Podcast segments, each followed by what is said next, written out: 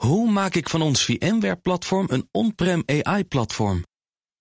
Lenklen, NVIDIA AI Enterprise Partner. Lenklen, betrokken expertise, gedreven innovaties. Tech Update. Ik zie Connor Klerks inderdaad zitten. We gaan naar Connor. Connor, goedemorgen. Goedemorgen, Bas. Ja, en ik denk, nou, we gaan het eh, toch maar proberen. JBS, grootste vleesverwerker ter wereld, is getroffen door een zware cyberaanval. Ja, en eh, de overlast die is eh, wel behoorlijk te noemen. Computernetwerken in Noord-Amerika en in Australië die moesten worden stilgelegd. Een grote fabriek in Canada die moest dicht. En in Australië werd gestopt met slacht van onder andere rundvlees en, en lammetjes.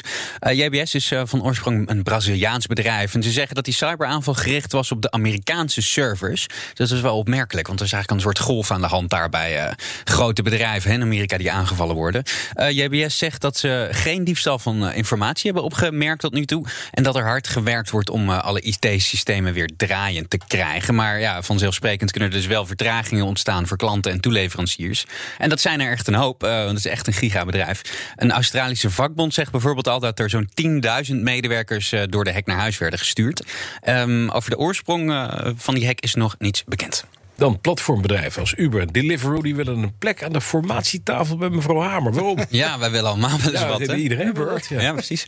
Eh, ja, die platformbedrijven die zeggen dat ze een betere sociale bescherming van hun medewerkers eh, willen, zonder de flexibiliteit te beperken. Ze willen dus een soort eh, sociaal akkoord sluiten met de formerende partijen. Ja, ik vind het een tikkeltje brutaal, want volgens mij kun je als jij zo'n groot bedrijf bent, prima zelf zorgen dat je medewerkers goede voorwaarden krijgen. Want die maak jij namelijk, zonder dat mevrouw Hamer daar aan te pas eh, Ja. moet komen. Maar goed, ze hebben een eh, voorstel gestuurd naar de informateur en eh, naar de onderhandelaars van eh, de VVD, D66, CDA, GroenLinks, PvdA, SP en ChristenUnie.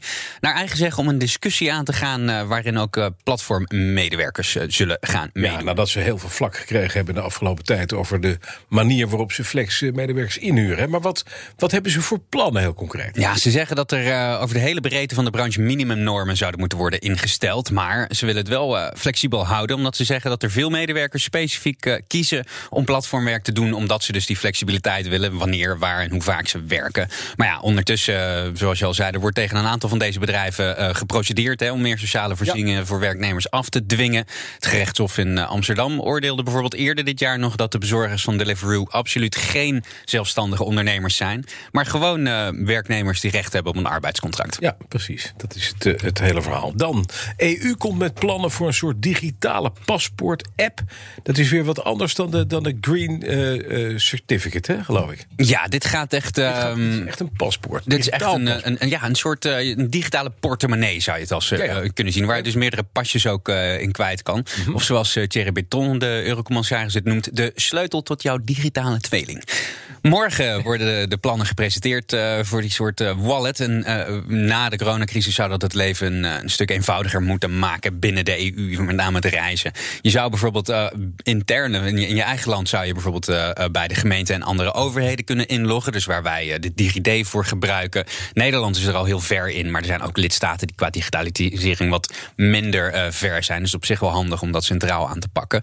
Maar in die nieuwe wallet kun je dus ook bijvoorbeeld je rijbewijs zetten. En ga je dan op eh, naar Kroatië of eh, Italië, dan zou je dus met eh, jouw telefoon Ja, in één keer alles. bij, bij de Hertz of de Avis eh, kun je gewoon even laten zien: dit is mijn rijbewijs. En dat zou een stuk makkelijker moeten zijn dan vanuit al die landen verschillende systemen. Ja, dat is op zich een handig verhaal. Alleen, wat weten wij met appjes? Hoe zijn ze beveiligd? Ja, het zijn natuurlijk al belangrijke gegevens die erin staan. Eh, aan de Nou, ehm, klantenzijde, zeg maar, eh, zou er een biometrische beveiliging moeten komen. Dus bijvoorbeeld met een vingerafdruk of eh, een gezichtsscan. De Financial Times zegt overigens dat die app nergens verplicht wordt, maar dat ze hem wel aanmoedigen. De bedoeling is dat als dingen na de pandemie weer een beetje normaal zijn, dat, dat je dan makkelijker zou kunnen reizen binnen de EU. Oké, dit klinkt allemaal goed hè, op papier. Maar is hij, is hij af? Is er al een prototype? Kunnen we eh, weten wanneer die komt? De plannen komen morgen, eh, officieel. Ehm, maar die app die is nog eh, in ontwikkeling. De verwachting is wel dat die er snel zou kunnen zijn. Over een jaar zou die live kunnen gaan. En lidstaten hebben dan zelf in de hand in hoeverre ze die app willen inzetten. Ja, het is inderdaad wat je zegt, een soort Europese DigiD. Hè? Ja. We kennen dit eigenlijk gewoon al. Ja, hier wel, maar ja. Wij gaan naar Duitsland bijvoorbeeld, daar hebben ze het helemaal nog niet. Hè? Dus niks- Nee, dat is ja, niks best opmerkelijk altijd. Maar eh, misschien eh, dat dit eh, alles een beetje een stroomversnelling brengt daar. Je weet het niet. Dankjewel, Klerks. De BNR Tech Update wordt mede mogelijk gemaakt door Lenklen. Hoe vergroot ik onze compute power zonder extra compute power? Lenklen, Hitachi Virtual Storage Partner.